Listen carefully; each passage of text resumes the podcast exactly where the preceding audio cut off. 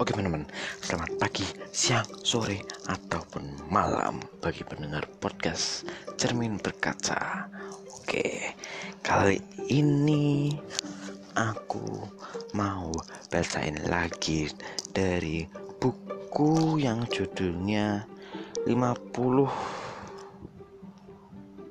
Oh yang orang kaya tahu tapi kita uh, penulisnya yaitu Budi Safaat oke yang aku mau ambil ini bagian tiga yang aku mau bacain.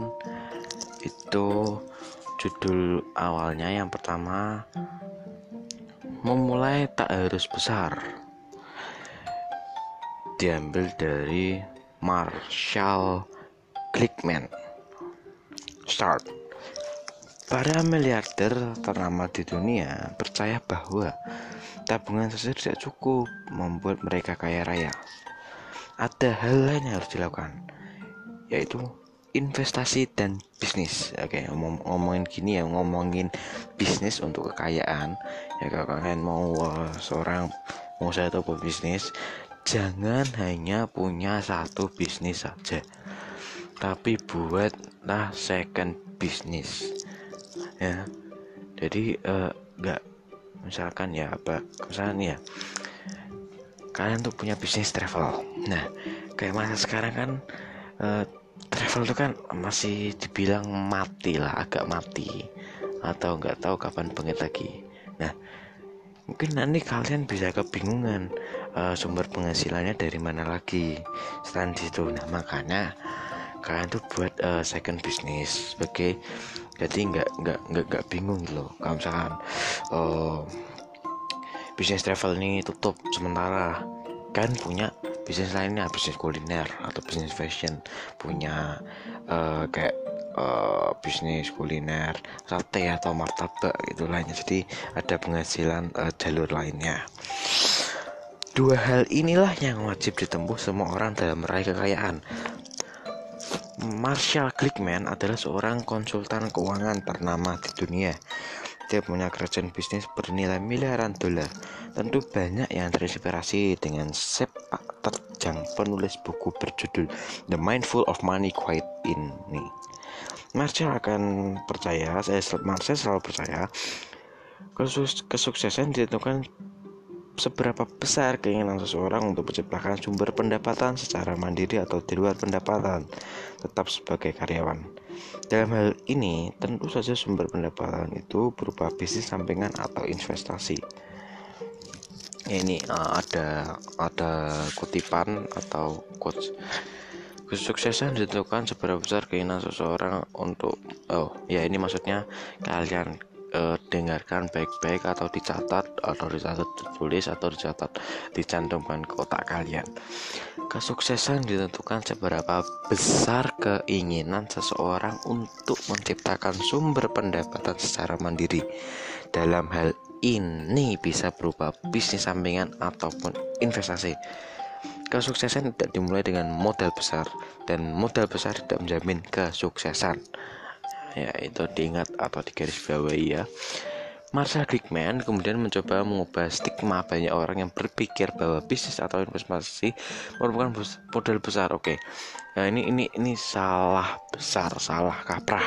Ya, bisnis sekarang banyak yang tanpa modal. Ya itu yang yang sebelumnya. Uh, Oke, sebelumnya belum akan pernah aku bahas ya.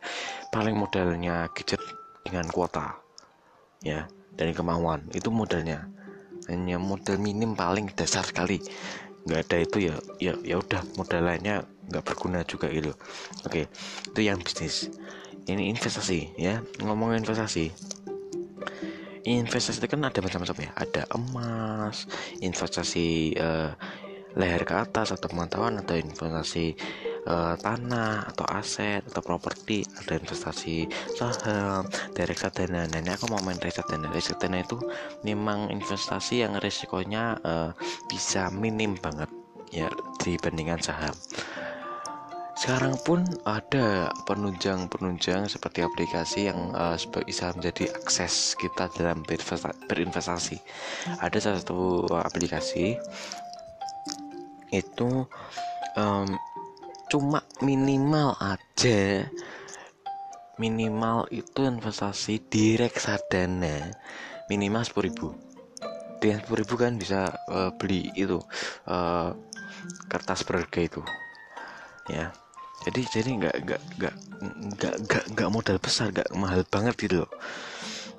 Ya tapi kalau memang mau keuntungan cepat atau nganu ya uh, lebih ke saham kalau reksadana atau emas itu kan memang jangka panjang banget apalagi emas itu kenaikan harganya uh, kenaikan uh, untungnya itu uh, lama banget bisa lima tahun ya Menurutnya, pemikiran seperti ini terkadang membuat seseorang terlambat melakukan bisnis. Modal besar tidak menjamin kesuksesan, dan sukses tidak mencari di, dimulai dengan modal besar, ujarnya. Ada dua hal yang wajib dimiliki kalau kita hendak memulai sebuah bisnis atau investasi. yang pertama, pilih investasi yang tak menguras dompet dengan cara menjalin networking, menyusun daftar relasi, menjaga hubungan baik, dan membangun ide-ide kreatif tentang bisnis.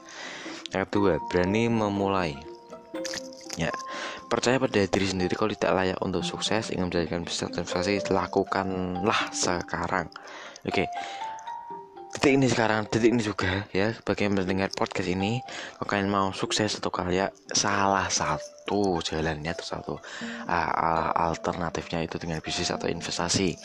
Ya saranku sih lebih ke bisnis dulu aja. Kalau misalkan memang oh, lebih ada uang receh receh ya. Gila ini omongannya uang receh gitu ya. Baru diinvestasikan tapi ya. Oke lanjut uh, itu memang ini memang ini ini bukunya memang singkat-singkat tapi bermanfaat banget. Jadi set, uh, uh, setiap bagian itu sebabnya ada mungkin ada 7 atau sampai 10 ya ini uh, bagian yang kedua eh, bagian tiga tapi sebab kedua. Judulnya apa target spesifik kita? Dari Jen Smith. Ini ada gambar gambar apa ini namanya mind mapping. Ya ini ada gambar jeruji. Berhenti bermimpi langsung punya aset miliaran. Atau berhenti bermimpi langsung kaya raya. Atau mulai menentukan target spesifik. Alias jangka pendek. Kita sudah menabung. Sudah punya cukup uang di rekening. Lalu untuk apa uang yang kita miliki tersebut Akankah terus ditabung atau malah dijadikan modal usaha? Pertanyaan-pertanyaan semacam, semacam ini diyakini Jane Smith akan timbul ketika seseorang sudah mencapai titik di mana dia bingung menggunakan uangnya. Maka target spesifik adalah solusi terbaik. Jane Smith dikenal sebagai perancang situs milioner Mommy Next Door atau ibu rumah tangga sang miliarder Kini dia dikenal pula sebagai penasihat finansial yang jago dalam merancang keuangan rumah tangga. Dia pernah hidup serba keterbatasan hingga kemampuannya dalam mengelola uang membuat punya harta puluhan juta dolar AS. Apa rahasianya? Smith mengatakan, jika kita punya target, saya ingin kaya raya, dan target itu terlalu terlalu kabur. Ada baiknya kita mulai memiliki target yang lebih spesifik dan masuk akal. Dia memberi contoh, saya ingin punya investasi 2 juta dolar Amerika agar bisa hidup hanya dari imbalan hasilnya. Setelah itu, saya akan keluar kerja dan melakukan banyak hal, seperti jadi sukarelawan, berpergian, belajar tenis, melukis, juga piknik di pantai bersama keluarga. Ujarnya, oke aku cut dulu ya. Aku cut dulu ya bagi pendengar podcast ini yang salah satunya sebagai karyawan dan ingin memulai usahanya ya ini aku ini ini bukan saranku sendiri. Saya ya aku bisa ngomong saranku ini karena aku pernah baca di buku. Nah saya lupa judulnya. Uh, itu kalian tetaplah bekerja di kantor kalian sebagai karyawan hingga beberapa bulan dan kalian tabung dan sekiranya tabungannya itu sudah mencukupi kalian dalam enam bulan ke depan atau lebih kalian resignlah dari uh, tempat bekerja kalian. Dan mulailah fokus untuk uh, mengembangkan usaha kalian atau bisnis kalian ya. Karena dalam menjalankan bisnis itu tuh nggak bisa setengah-setengah tuh nggak bisa ya. Apalagi tuh uh, kalau sampingan. Sampingan ya mungkin kalau bisnisnya kecil-kecil ya bisa. Tapi kalau misalkan kalian mau memang mau mengembangkan bisnis kalian mau besar kalian mau kaya dari bisnis itu ya kalian resign lah. Tapi dengan syarat yang tadi saya katakan kan uh, kalian bisa tabung uang dari penghasilan kalian dari tempat bekerja tapi dalam penghasilan itu dapat memadai atau mencukupi kehidupan kalian dalam enam tahun eh, bulan ke depan atau lebih ya. Oke lanjut lagi. Tadi sampai eh sampai. Ujar. Hebatnya target tersebut sudah bisa diraih Smith sebelum dia punya keluarga dia sengaja memajang foto tujuan wisata di tempat yang bisa terlihat setiap hari sebagai motivasinya. Ya ini betul ini betul banget ya ini ini memang ini udah udah booming atau yang udah umum. Kan kalau mau punya target itu harus spesifik, ya, harus spesifik. Terus kalau misalnya kalian mau uh, punya uh, tempat tabungan, nah itu di tabungannya di tempat dekat tabungannya itu kalian tempel di tempat apa ya, misalnya kalian mau beli tab kalian tuh mau nabung untuk beli HP atau beli laptopnya ya tempel lah gambar HP atau laptop itu dengan nama, dengan harga yang spesifik dan kapan kalian mau belinya. Jadi benar-benar spesifik. Jadi nggak cuma uh, aku mau beli gini doang, mau beli ini, mau beli ini. Nggak nggak nggak nggak, nggak cuma segitu. Jadi motivasinya tuh agak kurang gitu. Kecuali dengan spesifik gitu. Jadi pasti uh, apa ya lebih terkontrol atau terkoordinasi dalam memotivasi kalian untuk lebih berusaha lebih keras oke okay. ini lagi ada lagi ada mind mapping lagi dan ini makanya yang aku suka dari bukunya ini jadi nggak nggak nggak full bacaan jadi lebih banyak uh, bukan lebih banyak ya banyak juga uh, mind mapping mind mapping gini gambar-gambar gini uh, ya itu yang makan yang buat aku suka oke okay. ini di tengahnya ada catatan pengeluaran dalam kurung mingguan. Ada di sekelilingnya kayak dilingkarin Senin berapa rupiah? Total pengeluaran seharian. Selasa berapa rupiah? Total pengeluaran seharian. Rabu berapa? Kamis berapa? Jumat berapa? Sabtu berapa? Minggu berapa? Nah itu ya catatan keuangan itu. Jadi pengeluaran sekecil apa pun itu tetap harus dicatat.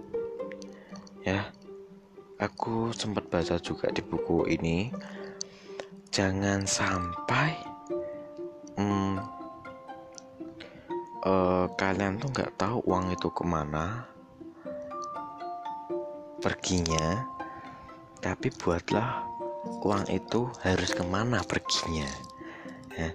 jadi kalau misalkan udah akhir bulan nih tanggal tua ya kan tahu-tahu uangnya habis terus kan mikir kok uang uangku udah habis ya aku buat beli apa aja gitu kan nggak tahu kan. Yang karena itu kan nggak kan daftar kan data gitu loh. Makanya kalian uang itu kayak nggak tahu pergi ke mana. Kecuali bedanya lagi. Kalau misalnya kalian daftar kalian kalian bikin list bulanan atau mingguan maupun harian. Catatan kok uh, keuangan kalian catat dengan baik rapi gitu ya makanya uh, itu uang uh, kalian arahkan harus pergi ke mana. Jadi lebih terarah gitulah. Keuangan kalian ke lebih terarah itu kalian juga lebih ke terarahkan. Ya. Smith juga memandang penting kemampuan seseorang dalam melacak pengeluaran bulanan dari mulai biaya terkecil hingga yang paling besar. Dia sendiri mencetak seluruh anggarannya di lembar kertas lalu digabungkan dengan anggaran bulan sebelumnya. Sehingga ia tahu benar uangnya lari ke mana saja. Ya juga mengatakan agar kita dapat menjaga rasio utang karena hal ini sangat penting menjadi orang kaya. Posisi utang yang terkendali, terkendali bisa membuat kita berhemat jutaan dolar sepanjang hidup kita katanya. Oke, ngomongin hutang ya aku juga sempat dibaca di sebelumnya. Untuk pembahasan tentang utang ini utang aku bocorin sedikit ya ini uh, pembicaranya itu Oprah Winfrey. Oke okay, mungkin lain episode ya atau lain segmen aku bakal aku bahas. Oke nggak nggak nggak segmen kali ini atau episode kali ini ya. Oke bab ini yang Jane Smith selesai. Lanjut lagi ke subbab lanjutnya yang judulnya antara uang dan cinta dari Alan Corey. Ini ada gambar love and money oke. Okay. kebahagiaan itu bukan uang ukurannya ya. Bahagia itu sederhana.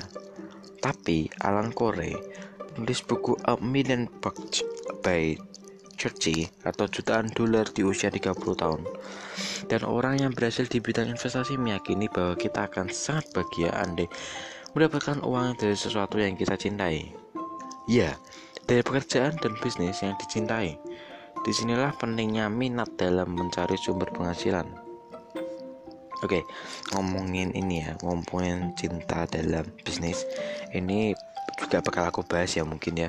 Saat yang sebelumnya episode sebelumnya aku bacain dari Workless and More yang punya di Semaringin ada tips di buku itu uh, ada stepsnya.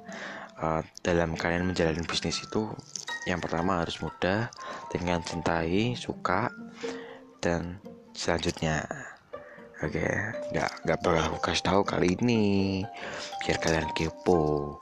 Makanya ikutin terus episode selanjutnya, oke? Oke lanjut. Kore tak mau mengkiri bahwa bekerja di sebuah perusahaan finansial bisa menghasilkan gaji yang tinggi. Tapi banyak orang yang tetap tidak bahagia dan tidak nyaman. Lantaran pekerjaan yang dijalaninya saat ini bukan pekerjaan yang dicintainya. Kore pun memberi saran agar tidak mengambil pekerjaan selama ini diimpikan atau bahkan hanya dilakukan di kala sehingga. Apakah kita suka baca majalah fashion? Ambillah karir di dunia fashion. Kita suka membaca situs grup eh situs gosip cara pekerjaan yang berhubungan dengan dunia selebritas. Begitu pula kalau kita suka membaca majalah otomotif atau ESPN.com forum binatang peliharaan Yahoo dan sebagainya katanya. Ini ada uh, quotes lagi kutipan Meski bidang yang kita tekuni terlihat sepele, selalu ada jalan menuju sukses ketika kita berada di jalan yang kita cintai. Oke, ini betul banget. Kalau misalnya, uh, gimana ya? Kalau kita kerja yang apa kita kerjakan atau sesuai hobi, itu jadi kayak nggak sesuai apa ya? Kayak ngerasa itu kayak nggak usaha. Jadi kayak kita menjalani sebuah hobi kita, tapi hobinya itu sudah menghasilkan uang. Nah, itu itu enaknya. Oke. Oke, seperti kataku sebelumnya akan aku bahas di lain episode ya tentang itu yang bisnis yang harus dicintai dan mudah. Oke, lanjut. Korea lantas mengatakan tentang salah satu kebiasaan penting yang dia lakukan sebelum berinvestasi di bidang properti yang akhirnya menghasilkan miliaran dolar. Dia membaca banyak biografi dan autobiografi miliarder. Dia melakukan hal ini untuk mencari karakteristik yang sama antara para miliarder eh, tersebut. Karakteristik ini yang dia percaya bisa sangat membantu dalam pencapaian karirnya. Apa yang saya apa yang saya temukan adalah mereka atau miliarder saya percaya diri bahwa mereka akan sukses secara finansial. Kata Korea tingginya kepercayaan diri sangat membantu pencapaian hidupnya. Oke yaitu tadi ya berarti ada tiga sebab yang tadi ada pembicaranya ada Alan Corey ada Jen Smith dan ada Marshall Glickman. Oke. Intinya intinya sih tadi banyak banget. Itu tadi banyak aku selepin ilmu-ilmu uh, yang aku baca dari buku lain-lain buku ya dari berbagai informasi lah. Yang aku mau tekankan semua itu nggak perlu banyak modal besar seperti yang katanya Marshall Glickman terus yang katanya James Smith itu kan lu harus membuat uh, goal atau tujuan yang spesifik jangka pendek. Terus kata tadi siapa? Kore ya itulah Kore uh, kalian tuh menjalani usaha yang kalian cintai. Itu gila kalau misalkan tiga itu digabungkan mungkin kalian bisa menjadi orang yang kaya raya. Oke mungkin uh, sampai di sini saja podcast kali ini episode kali ini. Oh ya bagi kalian iya yang mau bergabung dengan podcast Cermin Berkaca atau mungkin berbincang dalam satu episode kalian bisa uh, chat di WhatsApp 0882 1500532 atau inbox di Facebook aku Deska Anggoro disambung semua D-nya kapital atau di message Twitter ya uh, at termin underscore berkaca. Oke kalau misalnya kalian DM di IG aku nggak bakal aku bales karena aku udah jarang main IG oke seperti biasa saya ucapkan Terima kasih.